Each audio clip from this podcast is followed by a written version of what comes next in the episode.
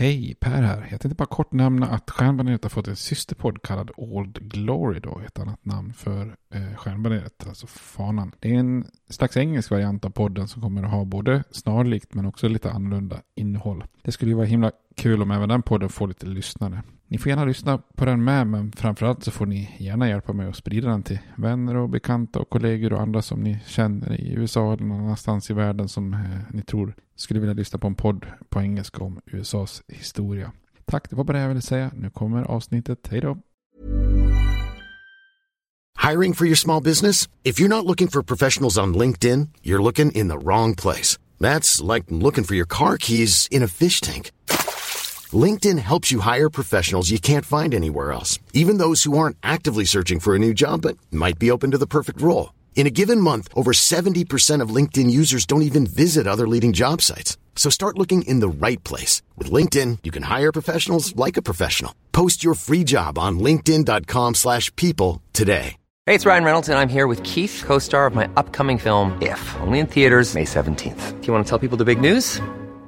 All right, I'll do. Sign up now and you'll get unlimited for $15 a month in six months of Paramount Plus Essential Plan on us. Mintmobile.com slash switch. Upfront payment of $45 equivalent to $15 per month. Unlimited over 40 gigabytes per month. Face lower speeds. Videos at 480p. Active Mint customers by 531.24 get six months of Paramount Plus Essential Plan. Auto renews after six months. Offer ends May 31st, 2024. Separate Paramount Plus registration required. Terms and conditions apply if rated PG. Millions of people have lost weight with personalized plans from Noom. Like Evan, who can't stand salads and still lost 50 pounds.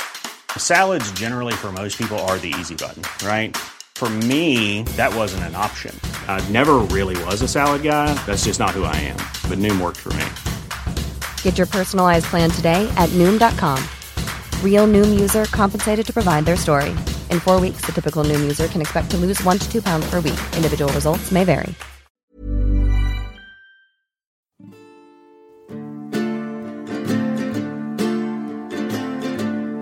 We hold these truths to be self-evident, that all men are created equal, that they are endowed by their Creator with certain unalienable rights, that among these are life, liberty, and the pursuit of happiness. Now we are engaged in a great civil war, testing that government of the people, by the people, for the people, shall not perish from the earth. And so, my fellow Americans, ask not what your country can do for you. Ask what you can do for your country. I have a dream. My four little children will one day live in a nation where they will not be judged by the color of their skin, but by the content of their character. Mr. Gorbachev, tear down this wall. I did not have sexual relations with that woman, Miss Lewinsky. Hej och välkommen till Stjärnbaneret, en podcast om USAs historia. Med mig Per Fjärdingby och eh, vanligtvis med min eh, kära vän Robert Vux. Men eh, dessvärre inte idag. Så jag får börja med att försöka förklara det där då. Eh, det är lite av en stor nyhet här. Robert kommer faktiskt att utbilda sig till eh, bryggare. Ja, ni vet ju att vi brukar prata om öl ibland. Och det är ju väldigt kul för honom och eh, även kul för mig. Jag hoppas ju att jag ska få dricka hans eh, härliga öl i större skala än en vacker dag här. Vi är ju båda hembryggare. Eh, dock så finns det ju en vardag också och som vi har sagt här många gånger så eh, när någon, till exempel när någon efterlyser avsnitt och sådär så är vi ju inga professionella poddare direkt utan vi har ju jobb att sköta och familjer att ta hänsyn till så att utöver bryggeriutbildningen så, eh, så har ju Robert en vardag som lärare och tvåbarnsfamiljefar och fotbollsspelare och lite annat. Eh, och ibland är det svårt att hitta den tiden som faktiskt det innebär att spela in så här ganska omfattande material. Då. Eh, och förutom liksom schemabitarna så bor vi tio mil ifrån varandra och ja, jag har ju också jobb och tre barn så det är annat som ska göras då. Så att det kommer innebära att jag kommer att spela in en del avsnitt utan Robert då. Eh, för att lägga ner podden så här halvvägs in i USAs historia känns ju inte heller bra då. Då skulle vi i så fall lämna en väldig massa ämnen och eh, tidsperioder och händelser eh, oberättade. Så att jag kör på och lyckas vi lösa det så kommer Robert naturligtvis att, att vara med då. Och kanske att det kan komma en comeback senare där han är med lite mer kontinuerligt. Eh, och jag ska också försöka se om jag hittar någon annan som kan rycka in lite grann som bisittare eh, istället för, för Robert då. Men tills vidare så tänkte jag att jag kör en del avsnitt själv. Och försöker korta ner dem till, till det faktiska historieberättandet. Och det finns ju för och nackdelar med, med alla format. Och det är ju socialt roligare när man är två. Och det finns två röster att lyssna till. Och samtidigt så finns det möjlighet att ut, alltså om jag kör själv lite kortare avsnitt som kanske kan komma lite oftare och mer regelbundet då. Eh, de avsnitt jag själv så kanske blir mer som en ljudbok då och fokus på berättande. Men det är ju samtidigt det är också det som varit grunden i den här podden då. Den stora delen av tidigare avsnitt också då. Och kan jag komplettera med lite andra personer så, så kanske det också blir lite fokus och variation då. Eh, nog om det då, men innan vi kör igång då, dagens avsnitt här så måste jag ändå börja lite grann med en, faktiskt en rättelse också. Inte ofta vi har gjort det, men när man sitter och berättar ibland så blir det ju lite slarvfel, lite felsägningar och sånt där som ibland kanske inte är så farligt och sådär. Eh, kan man mest irritera mig kanske i efterhand då, men, eh, men i det senaste avsnittet så drog jag ju till med en, enligt mig, en riktig blunder här. Vi pratade lite om William Sherman då, eh, generalen i inbördeskriget. Eh, kommer inte ihåg om det var näst sista eller senaste avsnittet. Och eh, poängterade att han var avlägsen släkting till Roger Sherman. Och då skulle jag bara lite så här spontant dra till och prata lite om Roger Sherman. Och så blandade jag ihop honom med Robert, eller Roger Williams. Eh, man kan säga att det blev ett litet namntriangeldrama här med komponenterna William, Roger och Sherman som jag helt blandade ihop då. För mig är detta helt obegripligt att kunna göra det här för alla tre är ju personliga favoriter faktiskt. Eh, så att eh, för mig var det superirriterande. Jag, vet, jag har inte fått något direkt surt mejl om det, så jag vet inte om det är någon som har räknat ut det här ändå. Då, men vi kan väl reda ut det här då. William Sherman, det är ju den här kända generalen i inbördeskriget och som eh, länge kamperar med Grant och som sen leder egna arméer och intar Atlanta, Savannah och, och Columbia genom sådana här berömda marscher genom Georgia, South Carolina och North Carolina då. Men Roger Sherman, som då är en släkting med generalen, han var ju faktiskt en av de här så kallade founding fathers, alltså från, från Connecticut. En, en person som, eh, som kanske borde få betydligt större utrymme än vad han faktiskt får. Eh, för han är ganska unik i det att han är den enda av de här revolutionsgenerationens grundlagsfäder, eller landsfäder, eller man ska säga, som satt i den kontinentala kongressen och skrev under samtliga eh, som man brukar räkna som de fyra stora statspapperna vid den här tiden. Då.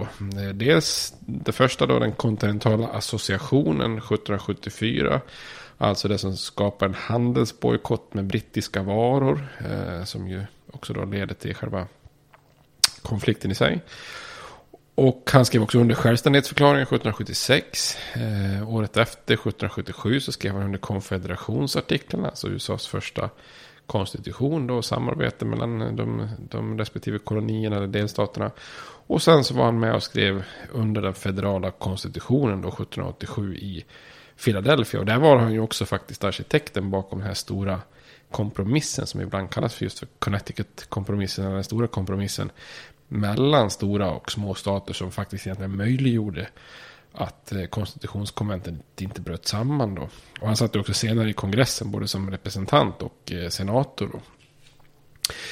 Och den person som jag blandade ihop när jag skulle prata om Roger Sherman, det var ju eh, Roger Williams. Och han han var ju liksom då, som jag gillade lite grann om då, han är ju grundaren av Rhode Island där. Eh, pratar vi om ett av de allra första avsnittet. Han bannlystes ju från det puritanska Massachusetts på grund av ett antal radikala idéer då. Eh, han levde i en period med ursprungsbefolkning innan han grundade staden Providence, alltså den första staden i Rhode Island, där som skulle bli Rhode Island.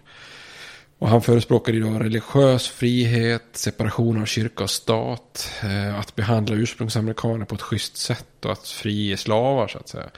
Eh, så han var ju liksom en tidig pionjär med väldigt många av de tankar som sen fick stort genomslag. Då.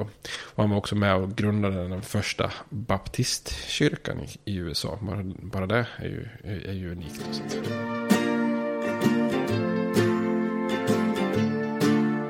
Men om vi lämnar de här tre ikonerna då har vi rätt ut eh, den här namnförvirringen med William och Sherman och Roger. Eh, så vart befinner vi oss nu, i historien då? Ja, vi gjorde ju en serie här om inbördeskriget. Alltså hela 14 avsnitt blev det då. Eh, och det, det, är kul att flera har efterfrågat fördjupningar. vi tyckte vi gjorde ett ganska gediget jobb och eh, gå igenom inbördeskriget i hela 14 avsnitt här. Nästan så att man var rädd att någon helt skulle tappa intresset. Men, eh, men det är klart det finns jättemycket saker under inbördeskriget som vi, vi kan komma fram till längre fram här. Alltså enskilda händelser eller stora slag eller personporträtt. Eh, och i och med att inbördeskriget är lite av mitt specialområde så kanske, kanske det med enkelhet kan, kan bli några sådana avsnitt som vi slänger in någon gång här och där då. Men eh, nu tänkte eh, jag att vi återgår till den här översiktsserien då. Eh, och vart står vi då? Ja, man kan säga så här. Nu när vi har passerat inbördeskriget så har vi också passerat ungefär halvvägs genom USAs historia då. Om man räknar den liksom, vita europeiska historien då. Tittar man på kurslitteratur som finns eh, om amerikansk historia så är de oftast, om de är uppdelade i två delar då, så är det oftast eh, delat till och med, eh, alltså tiden till och med inbördeskriget och sen tiden från inbördeskriget fram till idag då. Eh, så nu blir det ju spännande här. Vi ökar takten lite grann. Det kommer, först kommer den så kallade rekonstruktionen som vi ska börja prata om idag. Sen kommer ju hela den här biten med, med västern. Den ganska snabba expansionen västerut Eh, indiankrig och så vidare. Sen kommer ju industrialisering och de här industribaronerna som kallas för robber barons. Eh, kommer mycket urbanisering, immigration, arbetarkonflikter. Eh, sen så kommer vi fram där närmare sekelskiftet och kommer in då i början på 1900-talet, den så kallade progressiva eran. Med mycket reformer och sånt där. Och sen första världskriget, eh, glada 20-talet. Och efter det blir det ju depressionen, New Deal, eh, andra världskriget och sen är vi ju framme i en historia som jag tror är bekant för ganska många då. Eh, alltså kalla kriget, eh, Nixon, Reagan och sånt där som, som kanske då eh, är eh, ja, lite mer allmänt känt. Och då sveper vi ju, vi har ju redan faktiskt svept över flera av de här händelserna och sånt som, som är faktiskt på 1900-talet. Vi har pratat om McCarthyism och kommunistskräck, eh, Vietnamkriget och eh, valet eh, 2000 mellan Bush och Gore då.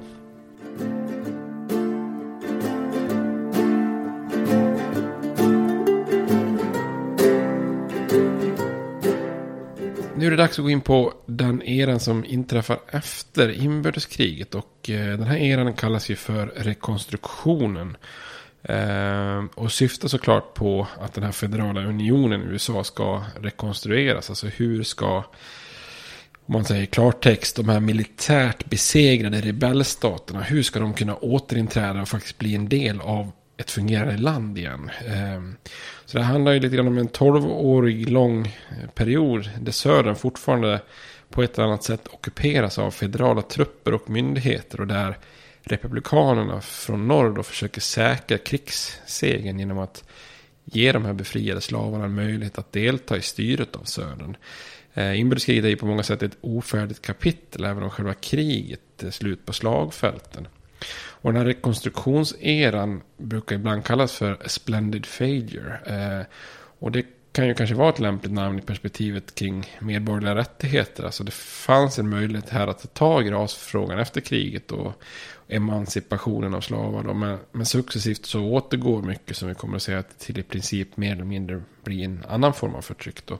Så ambitionerna och hoppen var väldigt höga men i slutändan blir det lite grann av ett, ett stort misslyckande här då.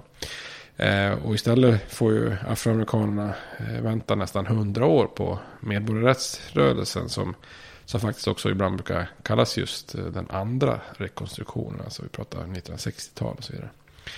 Eh, och det här är en tidsperiod, alltså rekonstruktionen då, med väldigt många intressanta spänningar. Alltså det är befriade slavars eh, eventuella rättigheter versus Söderns önskan att förtrycka. Det är presidenten versus kongressen här. En stor kamp här kring vem som ska styra. Är Det ju fortfarande en förlängning på egentligen nord mot syd. Eh, och vi kommer att se en hel del liksom, förstan här med, med första riksrätten bland annat. Då. Och den stora frågan efter kriget är ju, och det trettonde tillägget som befriar slavarna är ju såklart vad ska, vad ska nu hända med södern? Eh, och vad ska hända med de här frigivna slavarna då?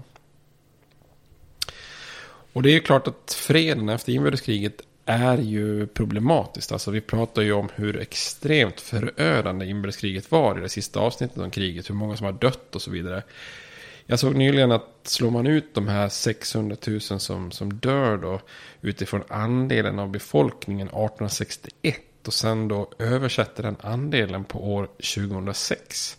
Då skulle alltså det motsvara 11,2 miljoner offer. Så då förstår man liksom vilken otrolig proportion av befolkningen då.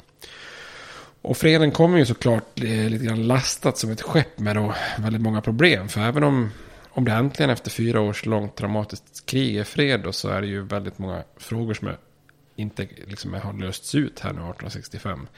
De flesta är ju förknippade med Södern då. Vad ska hända med de konfererade ledarna då? Eh, förräderi är ju liksom ett allvarligt brott som normalt betyder dödsstraff. Eh, en känd sång under kriget hade ju helt enkelt gått då. Hang Jeff Davis to a sour apple tree till exempel. Är det dags att hänga Jefferson Davis då, konfederationens president? Eller?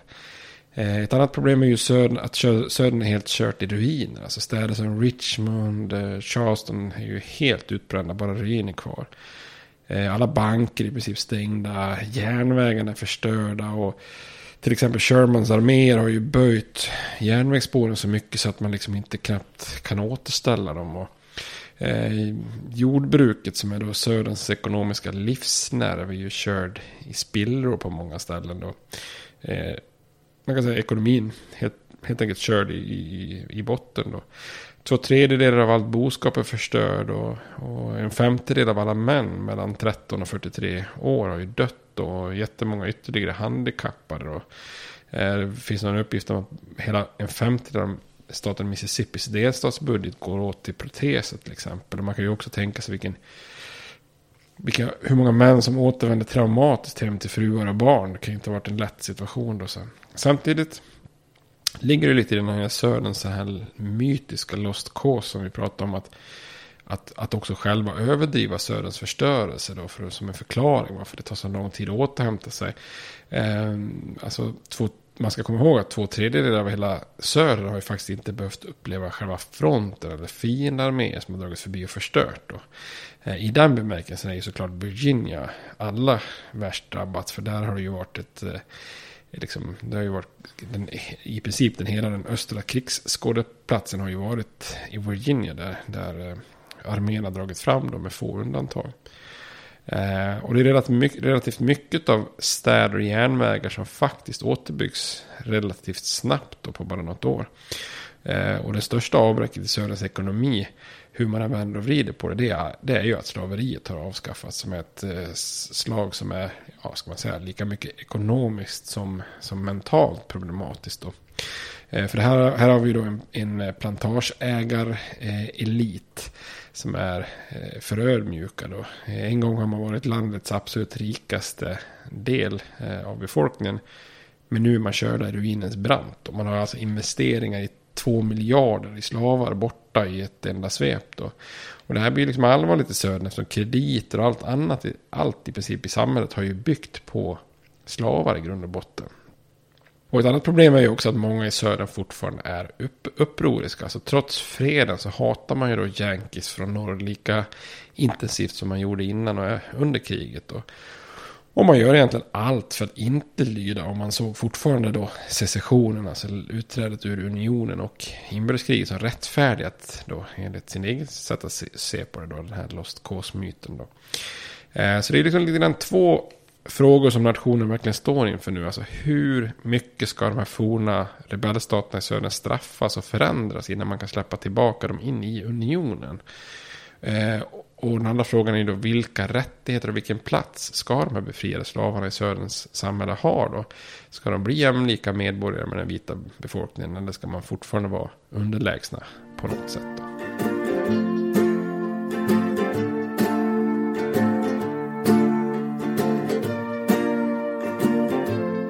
Går man in lite grann då på betydelsen av friheten då så råder det ju en väldigt stor förvirring i södern vad, vad, vad innebär egentligen friheten för slavarna då? Det är en väldigt oklar situation mellan krigsslutet och fram till dess att trettonde tillägget är ratificerat. Då. Eh, där alltså, universella friheten blir officiell. Då. Man kan säga att friheten kommer lite i vågor i olika delar av södern vid olika tidpunkter. Det beror väldigt mycket på slavägarnas inställning och arméns närhet. Vissa slavägare håller ju fast i att slaveriet är legalt ända tills HD eller konstitutionen säger något annat. Andra liksom köper krigsförlusten som, som att ja, nu får jag fria mina slavar. Så samlar man sina slavar vid det stora huset och meddelar att ja. nu är ni fria då, men om ni vill så får ni stanna och, och, och jobba under någon form av kontrakt eller någonting då. Eh, och i många fall så följer ju friheten arméns framfart när de kommer fram till olika plantage och meddelar att nu är ni fria här.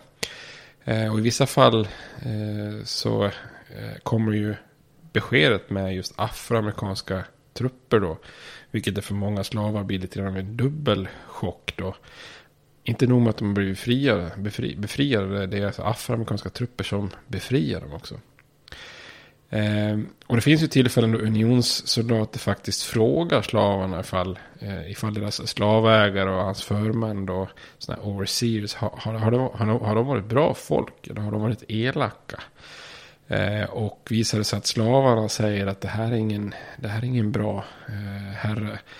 Eh, så kan det faktiskt vara så att forna slavar får ge sina forna ägare piskrapp. Då, samma straff som ofta används mot dem själva. Då.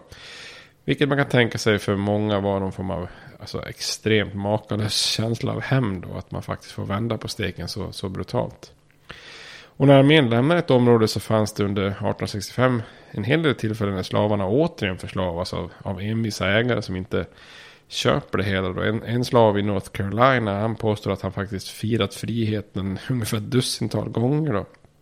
Men med arméns framfart och det här trettonde tillägget i konstitutionen så gör det ju att alla slavägare förr eller senare måste ge upp då. Eh, och friheten för slavarna tar sig väldigt många uttryck. Alltså många överger ju de namn som ägarna gett dem och tar nya för att man liksom vill, ha en riktig ordentlig nystart i livet. Då. Eh, ett, ett, ett, ett, extremt populärt namn för, för många forna slavar är såklart Lincoln. Då. Eh, och många vill ju också att de eh, forna slavägarna och de vita i samhället i Sören börjar kalla dem för Mr och Mrs. Vilket inte har varit fallet tidigare. Då. Ehm, eh, och många, många ser, ser till att den första åtgärden de gör är att byta kläder. Att man vill inte ha de trasorna man har fått som, som slavar. Då. Och tusentals befriade slavar ger sig också ut på vägarna. Då. Många för att hitta familjemedlemmar som har skilts ifrån. Alltså partners, barn, föräldrar. Så att eh, slavarnas frigörelse stärker ju afroamerikanska familjer en hel del. Då. Eh, andra väljer att eh, ta sig till städer då. Där det finns andra afroamerikaner. Alltså, så att man ska känna sig lite mer, mer trygg. Och som vi kommer att se också så är det faktiskt också en hel del som drar västerut så småningom. När vi kommer in på det här med, med, med västern. Eh, en av de främsta institutionerna som uppstår det är ju afroamerikanska kyrkor. För att slavarna hade ju inte fått ha egna kyrkor. Så att nu växer det en massa afroamerikanska kyrkor fram med egna pastorer. Och antalet kyrkor liksom mångdubblas. Och de här eh, kyrkorna blir då samlingspunkten för den afroamerikanska samhället. Och det, det, den, egentligen den, den absolut starkaste institutionen i hela södern för afroamerikaner. Då. Och det här märker man ju, det går ju igen då under åren sen då, till och med fram till medborgarrättsrörelsen och efteråt. Då, eh, man tänker Martin Luther King, han var ju pastor i den Southern Baptist Church och så vidare. Eh, men även skolor dyker upp då, för som slavar har man ju varit förbjudna på att faktiskt eh, få lära sig läsa och skriva och så vidare. Så att många afroamerikanska grupper startar då skolor, oftast med hjälp från nordstaterna. Eh, många lärare drar söderut. Och det är ju såklart att man förstår att om jag kan läsa och skriva så, så, så kan jag ju anpassa mig lättare till samhället och få, få lite makt. Då. En primär fråga för de befriade slavarna är ju såklart vad, hur ska man lösa eh, bröd för dagen, alltså sina ekonomiska möjligheter. Eh, och nu har de alltså blivit befriade, men det är också faktum att de är outbildade, icke läskunniga i många fall. De saknar egendomar, de har inga finansiella medel. Och kort och gott kan man säga att de visste ju inte hur man faktiskt lever ett fritt liv. De har ju levt som slavar hela sitt liv då. Och det är ju uppenbart att de befriade slavarna behöver federal hjälp. Eh, precis som abolitionisterna i norr sagt under många år så själva institutionen slaveriet har ju liksom nedgraderat afroamerikaner och gjort dem liksom inkompetenta och, och kanske lite hjälplösa i den bemärkelsen då. Eh, så man är ganska snabba med att skapa en federal myndighet i mars 1865 då, som har, kommer ha som uppgift då att hjälpa de befriade slav, slavarna i söder med just den här omställningen till ett fritt liv. Och den här myndigheten kallas då för Freedman's Bureau. Eh, och på pappret är det ju faktiskt en, en unik sak för att vara USA. Det är en slags primitiv eh, välfärdsmyndighet. Eh, som ju absolut inte har funnits något motstycke av någonsin i USAs historia fram tills, till det här året. Då. Eh, och uppdraget är ju att etablera ett fritt arbetssystem i södern. Då. Skolor för de svarta och socialhjälp för de som inte kan försörja sig. Då. Dessutom har man en viktig roll i att förhandla mellan vita och, och afroamerikaner i, i arbetskonflikter och försöka bringa rättvisa i, i södern. Då. Eh, och eh, det här är ju en federal myndighet som precis som armén tanken att den ska stå på afroamerikanernas sida. Då. Och den leds av den forna unionsgeneralen Oliver Howard. Eh, problemet för den här Freedman's Bureau är ju att man faktiskt bara har 9000 agenter i hela södern. Alltså man är alldeles för otillräcklig för att kunna lösa ett sånt här stort uppdrag från början. Eh, man lyckas ändå spela en relativt viktig roll. Eh, dels som en symbol för, för ökad federal makt. Då. Eh, för jag menar, den här typen av myndigheter är kanske vana idag, men det var man inte vana med då. Och den ligger liksom lite grann före sin tid. USA kanske inte riktigt är redo för den här typen av myndigheter. Då. Och när det gäller själva uppdraget så hjälper man ju till och utbildar ungefär runt 200 000 forna slavare så att de blir läskunniga. Då. Men inom vissa andra områden så är ju den här myndigheten betydligt mindre framgångsrik. Då. Och en av de absolut största hindren för många av de befriade slavarna är ju bristen på egendom och ekonomiska möjligheter att kunna leva ett eh, fritt liv. Eh, I slutet av kriget har ju bland annat general Sherman då vid något tillfälle gett ett löfte att man som befriad slav ska få 40 acres and a mule. Faktiskt ett, eh, ett sånt motto som, eh, som har fått gett namnet till Spike Lees produktionsbolag. Man tänker han som jag har gjort en hel del kända filmer. 40 acres and a mule. Eh, många friade slavar tror ju på det här löftet även efter kriget. Då, men president Andrew Johnson som, som sitter i Vita huset, han tar tillbaka det här löftet och han sparkar alla generaler och agenter som håller fast vid det här. Då. Så istället för att konfiskera plantageägares mark så återlämnas den tillbaka till de ursprungliga plantageägarna. Eh, och det här är ju liksom en, en lång tradition i USA att hålla äganderätten som stark och intakt. Och det gjorde man ju till och med under revolutionen och frihetskriget. Att många så kallade lojalister, alltså som var lojala med den brittiska kronan, de fick ju tillbaka sina egendomar efter kriget, även om de inte har stått på patrioternas sida i, i revolutionskriget. Men eh, trots allt, det här blir ju en tragedi för, för många av de här eh, befriade slavarna som skulle vilja börja ett nytt liv. och Eh, som också har börjat arbeta på konfiskerad mark. Och nu så tas den här marken ifrån dem då.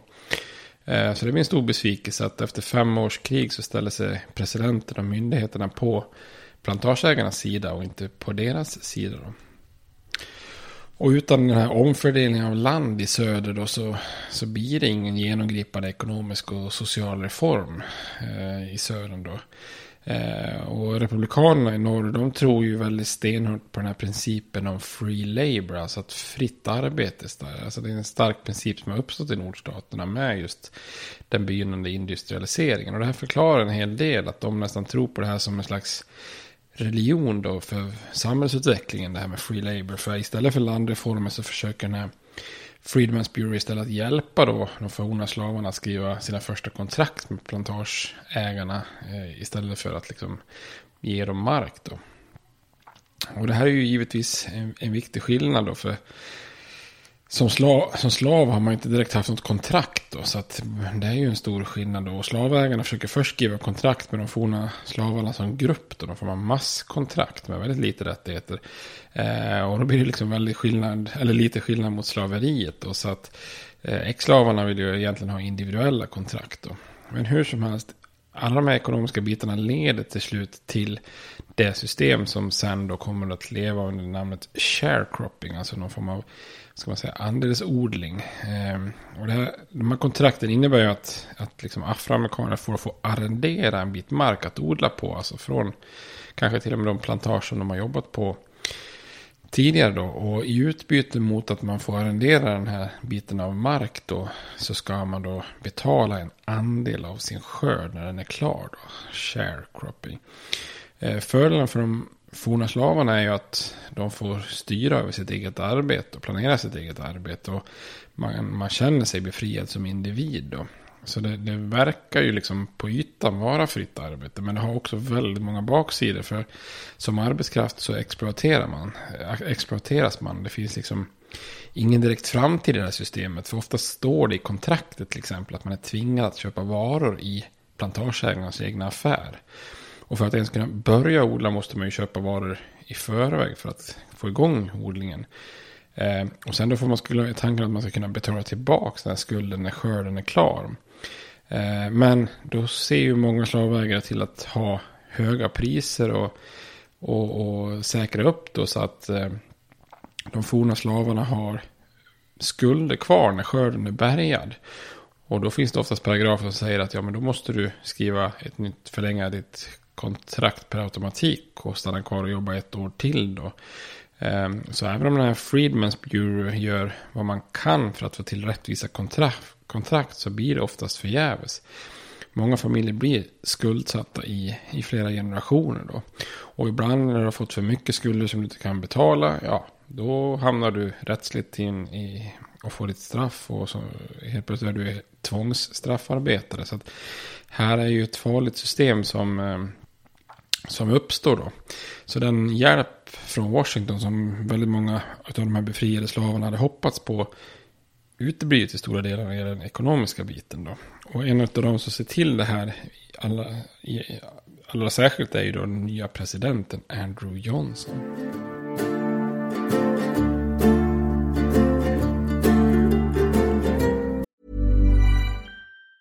Hey, it's Ryan Reynolds, and I'm here with Keith, co star of my upcoming film, If, only in theaters, May 17th. Do you want to tell people the big news? All right, I'll do it. Sign up now and you'll get unlimited for $15 a month in six months of Paramount Plus Essential Plan on us. Mintmobile.com slash switch. Upfront payment of $45 equivalent to $15 per month. Unlimited over 40 gigabytes per month. Face lower speeds. Videos at 480p. Active Mint customers by 531.24 get six months of Paramount Plus Essential Plan. Auto renews after six months. Offer ends May 31st, 2024. Separate Paramount Plus registration required. Terms and conditions apply if rated PG. Hiring for your small business? If you're not looking for professionals on LinkedIn, you're looking in the wrong place. That's like looking for your car keys in a fish tank. LinkedIn helps you hire professionals you can't find anywhere else, even those who aren't actively searching for a new job but might be open to the perfect role. In a given month, over 70% of LinkedIn users don't even visit other leading job sites. So start looking in the right place. With LinkedIn, you can hire professionals like a professional. Post your free job on linkedin.com slash people today.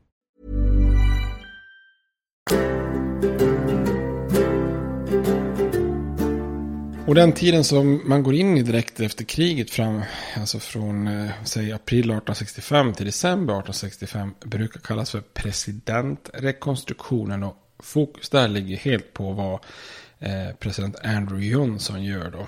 Eh, och det är klart att han, han, han, har ju naturligtvis en stor del att spela i, i den här eh, tiden här när nationens sår ska läkas då.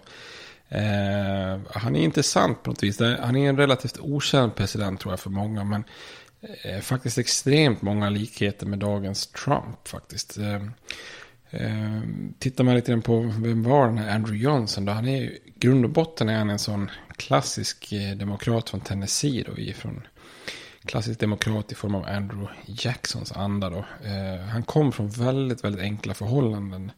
Eh, jag tror att hans pappa var, jobbade som, som, som inom sömnad och, och sånt. Eh, han förespråkade då en klassisk demokratisk politik. Eh, Alltså så som partierna var på den här tiden då. Som att staten inte ska lägga sig i och så, vidare. Och eftersom han kom från, själv från enkla förhållanden så avskydde han rika och eliten i samhället. Och han, hur, hur kunde han bli president då kan man undra. Alltså, ja, men han hade verkat liksom som vara den perfekta kandidaten då när Eh, presidentvalet kom 1864 då. För han var den enda senatorn från södern som hade lojalt stannat kvar i unionen. Och motsatt sig då eh, Tennessees utträde ur unionen. Alltså han hade gått emot sin egen eh, delstatsval där. Och suttit kvar i senaten trots att Tennessee anslöt sig till konfederationen. Och han hade faktiskt själv ägt slavar men befriade dem under kriget då. Och när unionstrupper invaderade Tennessee så utsågs han ju omedelbart till krigsguvernör av Lincoln då för att ta hand om Tennessee. Och inför presidentvalet 1864 som vi pratade om under i avsnittet om inbördeskriget där så stod ju väldigt mycket på, på spel där. Det hade kunnat slutat kriget ifall Lincoln inte hade blivit omvald. Och för att göra en så, så locka så många väljare som möjligt och göra en så bred koalition som möjligt så ville ju Republikanerna och Lincoln locka med så många demokrater som möjligt som stödde kriget, i, särskilt i gränsstaterna. Då. Eh, så att eh, därför verkar ju han vara en liksom perfekt eh, kandidat. Då. Eh, men han är också, man, de börjar ha lite onda aningar ganska snabbt. För redan vid presidentinstallationen så, så dyker han ju upp tydligt berusad. Vilket kanske inte många tyckte var så jätteroligt då. Eh, och Lincoln och eh, Johnson de har en del likheter i form av att båda kom från en enkel bakgrund och hade jobbat sig uppåt. Och sådana här klassiska self-made man. Eh, så de har gjort politisk karriär och en klassresa då. Men olikheterna mellan dessa två män är ju ja, ska man säga, slående då. Eh, Johnson var ju demokrat. Lincoln hade ju varit Whig innan, innan liksom republikanska partiet uppstod. Då. Men framförallt när det gäller personlighet och ledarskapsförmåga så skiljer de sig ju drastiskt åt. Och, Eh, Lincoln som jag tror vi eh, gav sken av, eller på som vi jag hoppas vi gjorde tydligt under, under avsnitten om kriget. Han var ju en väldigt smidig, pragmatisk och lugn person då. Eh, Johnson han är ju totalt oflexibel. Han är väldigt, väldigt känslig och han, är, han blir väldigt, väldigt lätt aggressiv då. Och Johnson han har ju ingen som helst känsla för kompromisser. Han är ju väldigt dålig att känna av det politiska läget. Och när han väl har bestämt sig så backar han inte en tum då. Så när Republikanerna 1864 tror att de har funnit den ideala kandidaten här då, en benhård unionist från den forna rebellstaten Tennessee, så har de i själva verket eh, grävt upp det här gamla spöket från deras ideals arvfiende Andrew Jackson då. Och istället för att leda landet framåt så verkar ju Johnson snarare vilja leda landet bakåt mot forna ideal från 1830-talet kanske. Um, arbetet med att rekonstruera unionen det har ju inletts eh, redan innan inbördeskriget och Lincoln presenterar ju en plan där. Eh, som var ganska enkel och försonande. Det brukar vara känd som 10%-planen eftersom Ehm, det krävdes att bara 10% i en lojal, eller en rebellstat behövde vara lojala för att man skulle börja ta de första stegen tillbaka in i unionen. Då.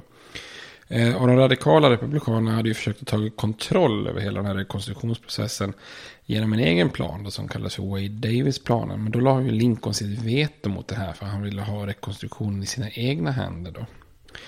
Ehm, och när, när Andrew Johnson tar över um, efter Lincoln eh, så är ju först de här republikanerna väldigt nöjda med honom.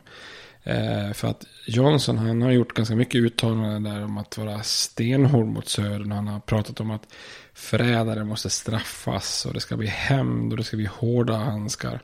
Och de radikala republikanerna de räknar med att de ska kunna styra Johnson. Att han Ja, ändå att han kommer att kalla in kongressen i någon så här special session då. Eller också att han väntar till december 65.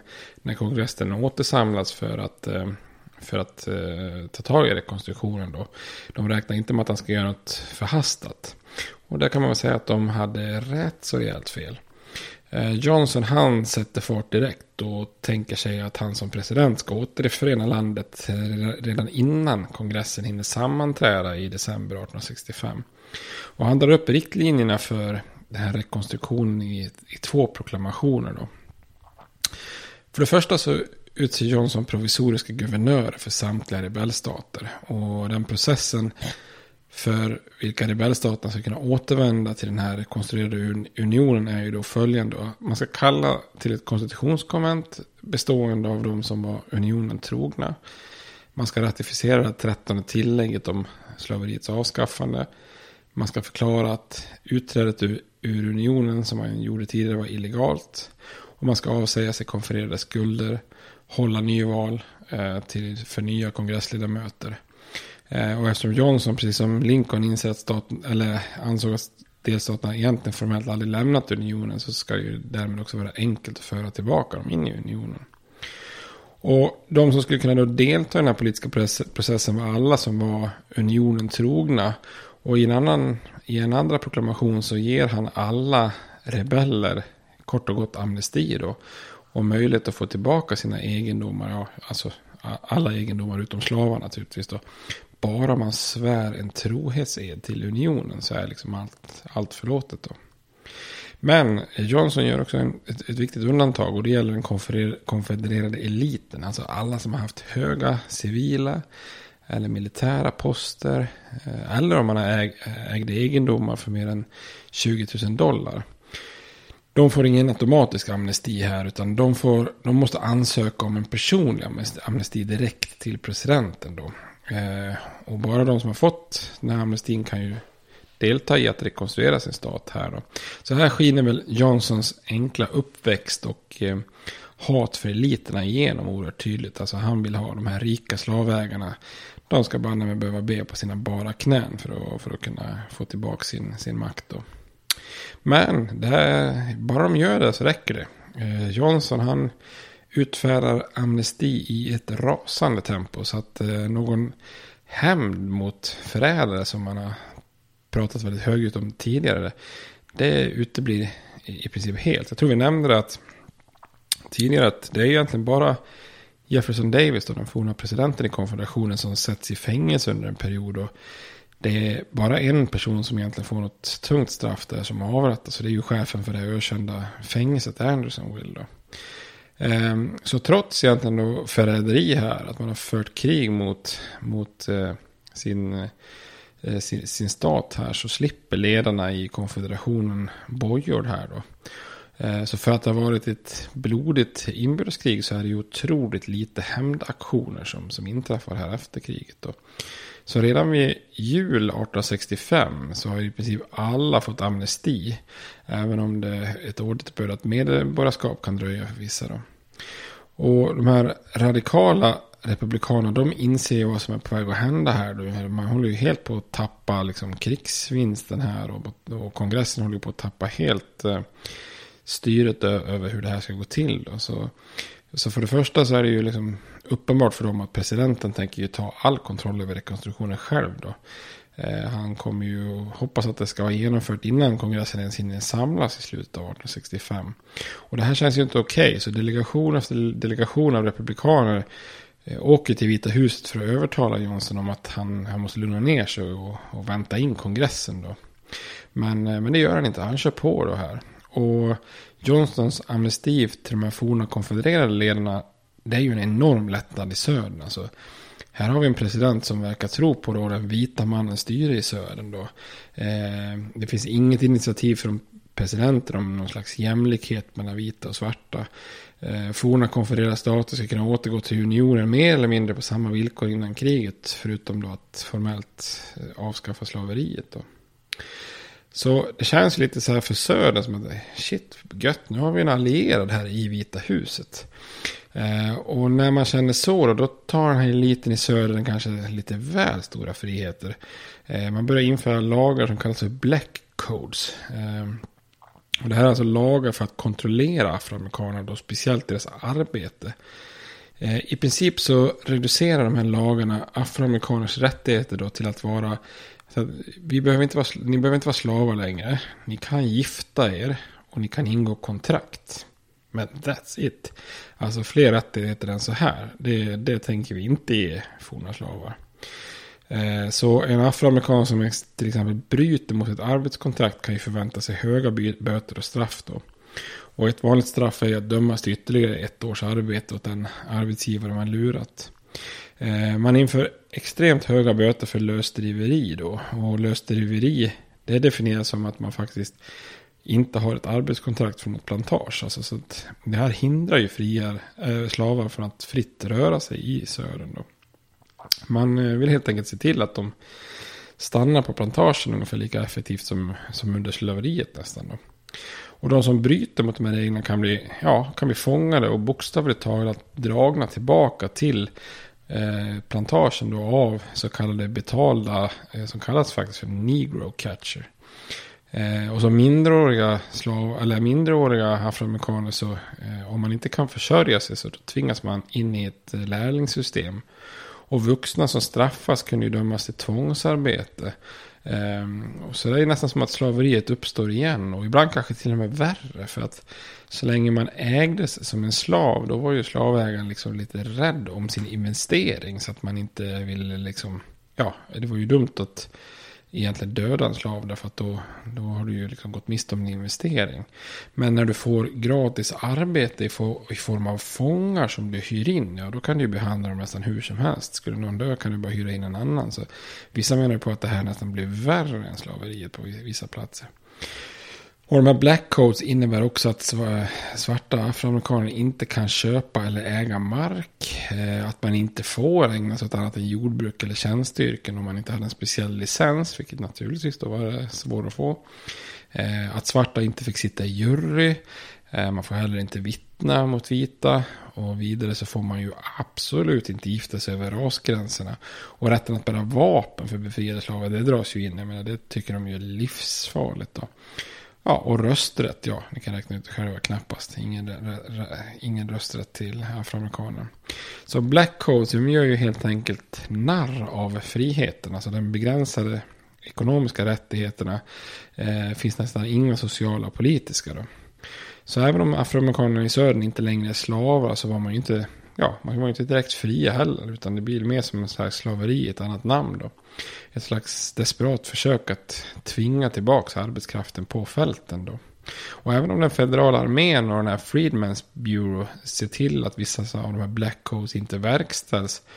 Så är det ju ändå väldigt avslöjande för hur den vita södern ville ha det. Och hur södern skulle se ut. Om styret helt låg i händerna på den vita södern då. Och en efter en så följer de här forna konfedererade staterna Johnsons process. Och när kongressen då ska återsamlas i december. Då har alla eh, forna rebellstater utom Texas som snart också gjorde det då.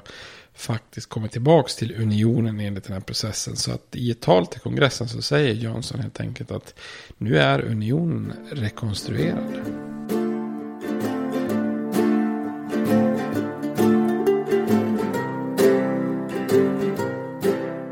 Men den här rekonstruktionen som Johnson satt i verket då, det är ju inte på något sätt acceptabelt för de radikala republikanerna. Eh, och för många andra republikaner också. Så att när kongressen återsamlas i slutet av 1865 i Washington DC. Eh, så möts man då av kongressledamöter som valts i forna konfedererade stater. Och många av de här är alltså forna konfedererade generaler politiker, till och med ministrar från Jefferson Davis regering. Ehm, och värst av allt, en av dem som, som, ehm, som, som, ska representera Georgia, det är alltså vicepresidenten Alexander Stevens. Så här har man alltså någon form av vittvättade rebeller som helt plötsligt kommer tillbaka till DC för att representera de här staterna i kongressen som om kriget inte har hänt. Och det här blir ju liksom helt oacceptabelt för många republikaner. Eh, har vi liksom stridit fyra år helt i onödan. Och nu är samma antagonister tillbaks. Precis som att kriget aldrig hade utspelat sig. Har liksom allt blod varit förgäves. Var det inte Nordkina som, hade, Nordkina som hade vunnit kriget här då? Och det Republikanerna gör då, det är att man bildar en kommitté i kongressen som beslutar att Sörens delegater inte får ta plats i kongressen. Så man vägrar helt enkelt låta dem inta sina platser. Eh, det här är ju en sak, kongressen väljer ju själv vilka kriterier som gäller för att man ska sitta i kongressen. Då. Eh, så resultatet då när Sörens delegater inte får sitta i, i kongressen det är ju att den blir klart dominerad av republikanerna utifrån det valet som skedde 1864 under kriget. Då.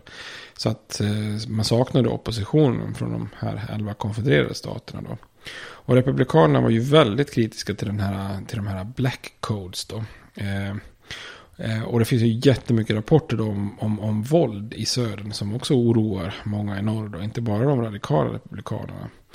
Eh, så även om man säger mer moderata och konservativa republikanerna har ju då en stark ideologisk tro på det här med fritt arbete. Alltså fria män som arbetar för sin egen fria försörjning. Eh, det anser man är något som skapar starka medborgare som i sin tur då eh, blir en stark eh, nation. Då. Så det är nästan som en religiös ideologi det här. Och slaveriet har ju varit dess raka motsats. Så nu verkar de här black codes se till att slaveriet är tillbaks. Fast med ett förtäckt namn då så att säga. Och, och Johnson, president Johnson, han har ju trott att han kunna ignorera den här lilla gruppen av radikala republikaner som vill, som vill ha rösträtt till och med för afroamerikaner. Då.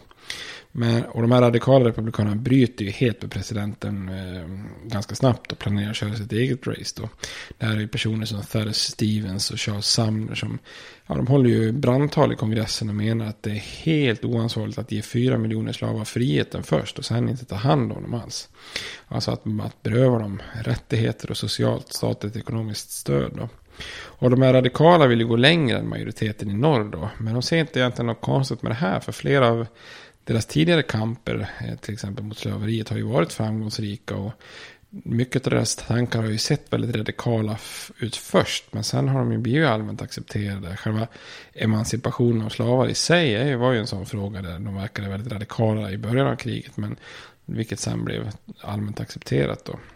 Så även om rösträtt för afroamerikaner är en radikal idé vid den här tiden så eh, så, så, så, tänker man sig att vi kommer att jobba vidare för det här. Och de är ganska självsäkra att de kommer att, att klara det här. Då.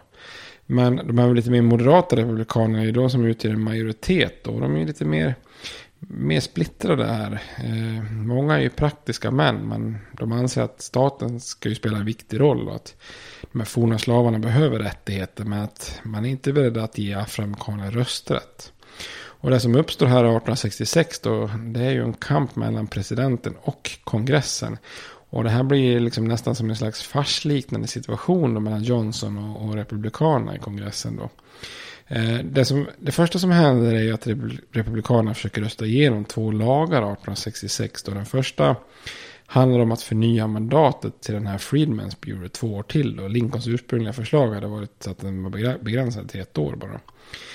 Den andra lagen som man försöker driva igenom heter Civil Rights Bill. Då. Eh, och den ger då alla som är födda i USA, då, ja, i, utom ursprungsamerikaner som alltid exkluderas i de här delarna. Men alla andra som är födda i USA ska få civila rättigheter så att säga oavsett ras. Om man säger så. Eh, Ja, men, lite grann som att kunna ingå kontrakt och föra ärenden till domstol, kunna vittna i domstol och grundläggande säkerhet i person och egendom. Då. Och det är egentligen första gången som civila rättigheter på allvar skrevs ner i lag då, och gällde mot diskriminering även i norr. Då. Eh, och den här lagen ger federala domstolar rätten att reglera arbetsrättsliga dispyter i södern och så vidare. Och det som händer då det är ju att Johnson lägger sitt veto mot båda lagarna. Eh, han är ju liksom en rasist i grunden och han var tveksam till att ge afroamerikaner medborgarskap och tycker att staten i södern har ju faktiskt all rätt att diskriminera afroamerikaner. Och han menar också att den federala staten ska inte ägna sig åt sociala frågor. Alltså klassisk eh, Jacksons demokratiska ideologi. Då. Han tycker att Freedmen's Bureau är alldeles för dyr och omfattande. Och så här är ju Jacksons gamla anda som svävar då. Och han backar inte från den här övertygelsen utan han är beredd att gå i krig mot kongressen då. Så det blir lite let's get ready to rumble här. Men de här två vetorna som Johnson lägger är en grov felbedömning. För han tror ju att det bara är de här radikala republikanerna som ligger bakom förslaget. Men den här Civil Rights Act. Eh, det är ju ett försök från mer moderata republikaner att hitta en kompromissväg. Alltså förslaget innehåller innehöll inga politiska rättigheter till forna slaver, alltså rösträtt och liknande, som de radikala vill ha. Utan lagen hade alltså medvetet begränsat till att enbart gälla civila rättigheter. Så genom att lägga sitt veto mot båda de här lagarna, då får ju Johnson nästan alla republikaner emot sig i kongressen då. Så de här moderata, de menar så här, nu har vi försökt att samarbeta men nu ger vi upp här. Och kongressen svarar ju då att rösta igenom båda lagarna med två tredjedels majoritet över presidentens veto. Det här är alltså första gången det händer i historien då att, man, att kongressen driver igenom lagar över presidentens veto. Då. Eh, så att det innebär ju då att först röstar man igenom lagen med en vanlig majoritet. Sen lägger Johnson sitt veto med en motivation varför han tycker att, det inte ska, att, att den inte ska gå igenom. Och då svarar kongressen med att rösta igenom lagen ändå med två tredjedels majoritet. Då.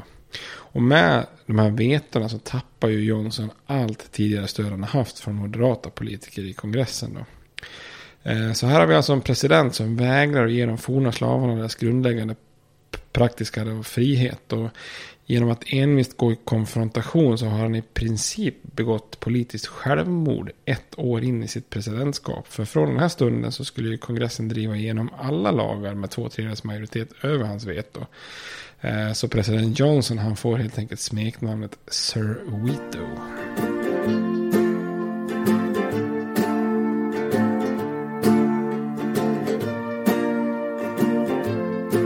Den period som, som inträffar nu då här från eh, slutet av 65 och fram 1866 och framåt då.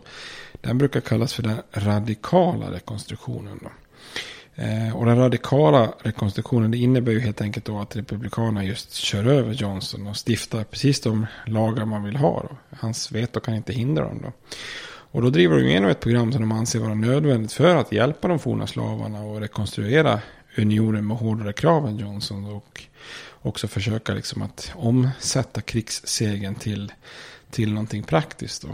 Så det första man gör är att driva igenom det, tre, eh, alltså förutom det trettonde tillägget att befria slavarna så säger kongressen att nu får vi, det räcker inte, vi måste driva igenom mer här nu. Eh, så då börjar man prata om fler konstitutionella tillägg som gör att presidenter som ja, även om det kommer någon annan president än Johnson så, så ska man inte kunna backa bandet. Utan vi, vi, vi, vi använder oss av konstitutionella tillägg för att verkligen se till att det blir en del av konstitutionen för all framtid. Eh, och det här leder till det fjortonde tillägget i konstitutionen. Det fjortonde tillägget handlar om att ta principerna från den här Civil Rights Bill och föra in dem i, konstitutionen. Och det här är ett väldigt omfattande tillägg som verkligen får många följder fortfarande än idag. Då. Det innebär att delstater ska inte kunna inkräkta på likhet inför lagen, att man inte får inkräkta på det som kallas för due process, alltså rättsliga processer, som till exempel att ha en jury då, som dömer. Ehm, alla som är födda i USA blir automat automatiskt ehm, medborgare, vilket alltså då ger eh, medborgarskapet till afroamerikaner, vilket ju då är den totala motsatsen till det ökända eh, fallet i högsta domstolen som kallas för Dred Scott, som kom innan kriget, där chefsdomaren utifrån Söderns perspektiv dömde att afroamerikaner aldrig kunde vara medarbetare, eller medborgare i USA. Då. Och det här tillägget är ju uppe mm, till och med nu, bara de senaste veckorna här när Donald Trump har pratat om att han vill ta bort den här äh, regeln att man automatiskt blir medborgare om man föds i USA. Vilket jag tror att det kan bli svårt för honom i och med att det faktiskt är en del av konstitutionen. Ehm, det här tillägget ger också om representationsfördelningen i kongressen. För tidigare fanns ju den här tre femtedels som ökade slavstaternas makt.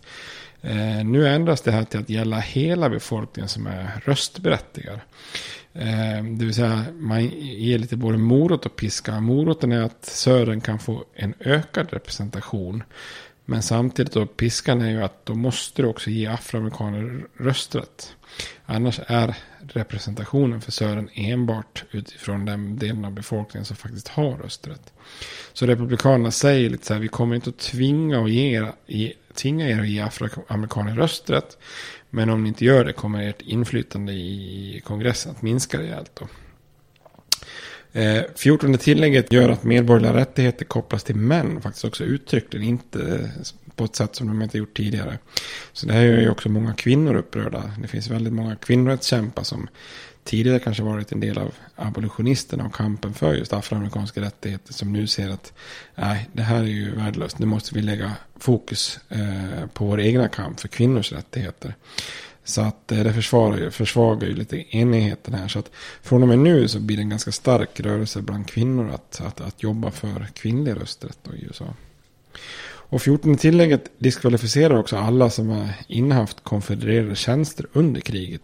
Eh, alltså som ser ut att eh, upprätthålla USAs konstitution innan kriget. Eh, alltså nu får man inte ha federala tjänster helt enkelt. Då. Och 1865 är ett väldigt våldsamt år. Det sker en hel del rasupplopp både i Memphis och eh, New Orleans till exempel. Stora då. Eh, och när vi pratar om rasupplopp så är det alltså inte som idag. Då pratar man ju oftast när, om när afroamerikaner gör upplopp på något sätt. Till exempel, ja, ska man ta för exempel, typ eh, efter Rodney King-domen 1992 till exempel. Då. Utan rasupplopp på den här tiden det är ju alltså mobbar av vita som mördar och misshandlar eh, svarta amerikaner. Då. Och det här är ju chockerande i norr, alltså sakerna verkar gå åt fel håll då.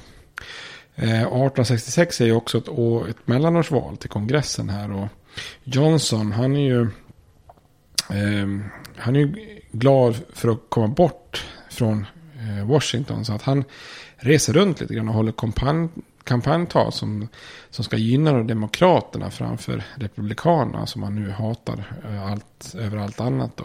Och Johnsons kampanj brukar, kalla, brukar kallas Johnsons swing round the circle. Eh, och den här kampanjen är ju ett kat, är ju fullständig katastrof. För han, Johnson är ju alltså humorlös, han har taggarna utåt. Eh, och under sina så kallade Give em Hell-tal så anklagar han de radikala republikanerna för att till och med ha planerat uppror och mord i södern för att få igenom sin politik. Då. Eh, publiken häcklar ju honom på massa orter då. Och då skriker han tillbaka i ren ilska. Och han har ju problem med sitt drickande igen då. Så det, värdigheten i, i presidentyrket når ju liksom någon form av bottennivå. Eh, som ju kanske ska vara sunt att minnas när man liksom följer dagens eh, uttalanden om Trump. Om att eh, det är en bottennivå då. Eh, och Johnson han hjälper ju snarare sina motståndare. Eh, det uppstår en slogan som säger Stand by Congress. Eh, och det här gör att Republikanerna går starkt framåt i mellanårsvalen. Eh, och stärkta utav, utav den här ökade makten då så tar Republikanerna nästa steg i sin plan då. För mot bakgrund av alla de här våldsamheterna i södern så röstar man 1867 genom något som kallas för Reconstruction Act. Eh, alltså deras plan för att rekonstruera unionen. Eh, och nu kan man prata om en rekonstruktion med hjälp av svärdet. Då för att eh, Republikanerna vänder på Lincolns tidigare resonemang. Alltså under kriget hade Lincoln och många i norr hävdat att slavstaterna egentligen aldrig hade lämnat unionen. Nu menar Republikanerna att de här forna konfedererade staterna genom att lämna unionen faktiskt har begått någon form av statssjälvmord. De har ju själva hävdat att de är utanför unionen. Och genom erövring så har ju då de här områdena återgått till att bli federala territorier. Alltså det stadie som, som, som eh, när man organiserar organiserat territorier till exempel i väster som, som inte ännu har blivit en delstat. Och då är det ju det federala som styr över dem. Eh, så det här är ett resonemang som då ger kongressen väldigt tydliga befogenheter över organisation och styre. Och därmed vilka villkor som ska gälla för att Södern ska komma tillbaka till unionen. Och det här innebär också att man delar de här forna konfedererade staterna i, i fem militära distrikt. Så militären blir alltså kvar i södern och blir den federala statens långa arm då. Eh, och delstaterna ska då, för att få komma tillbaka till unionen, ska man hålla val till konstitutionskonvent där alla män är röstberättigade, alltså oavsett om man är svart eller vit. Och för att en delstat ska kunna återvända till unionen så är det också ett krav att ratificera nu då det 14 tillägget, alltså betydligt högre krav än vad Johnson hade tidigare, då kravet bara var det 13 tillägget. Och det här gör ju att många av de forna konfedererade staterna fortsätter att helt enkelt vara utanför unionen. Och Johnson själv han till och med uppmanar dem att stanna utanför unionen. Då. Så den enda staten som lite ironiskt lever upp till de här kraven det är faktiskt Tennessee, då, Johnsons egen hemstat. Som därmed slipper då militär administration.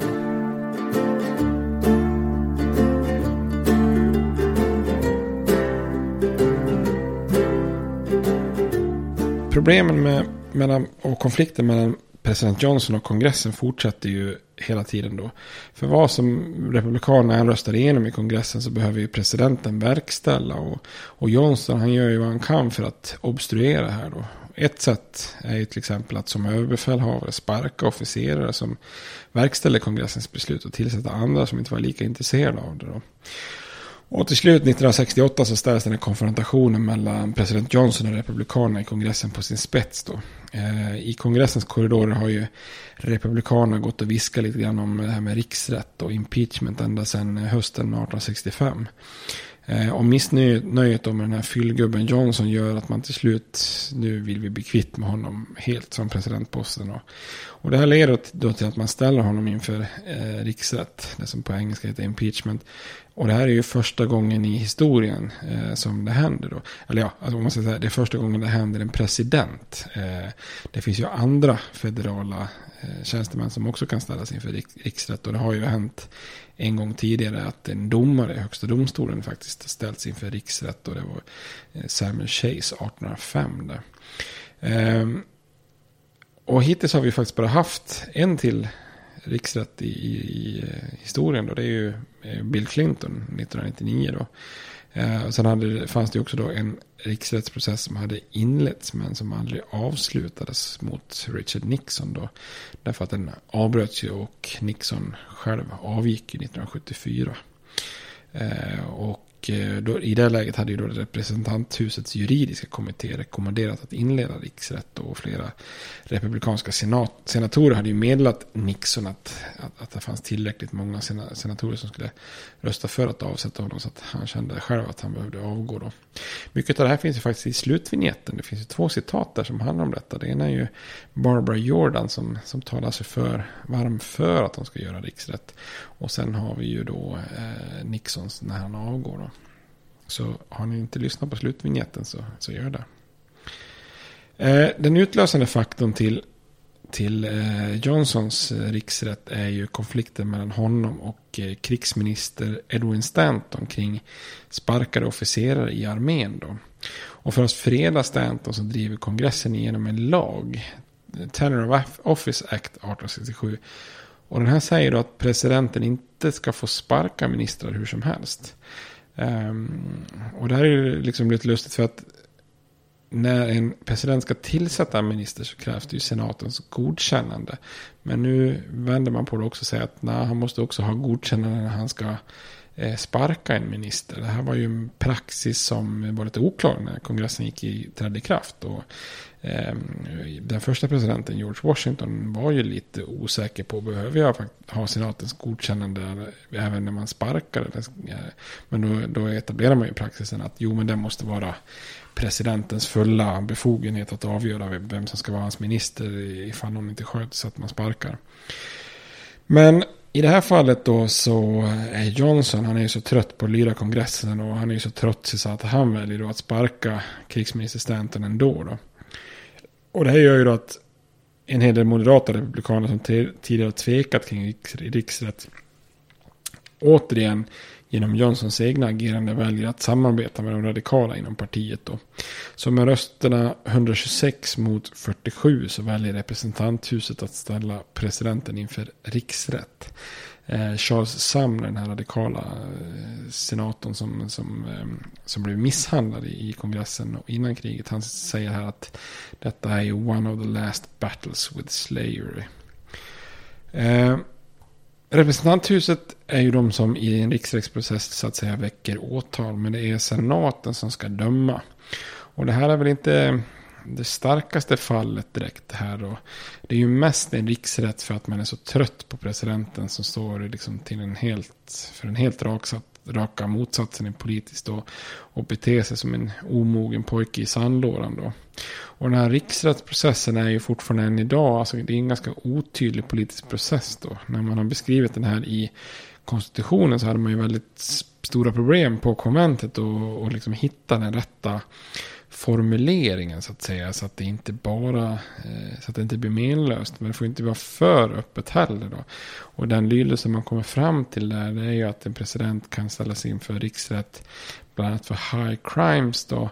Men sen också lägger man till and misdemeanors. Ehm, och det där misdemeanors kan ju vara otroligt tolkningsbart. Alltså någon slags orätter här. Vad, vad, vad kan det här innebära då? Ehm, så flera av de här punkterna som han ställs inför riksrätt innebär, eller utgår ifrån att han har brutit mot lagen då. Om att inte tillfråga senaten här när han sparkar Stanton. Men det finns också punkter som anklagar Johnson för att verbalt attackerat kongressen och dragit vanära över presidentyrket. Det vill säga det blir ju lite flum-flum kan man säga. Eh, så den här rättegången blir ju typisk amerikansk underhållning då. För till slut då med bara en röst, rösts marginal så frias Johnson i, i senaten där.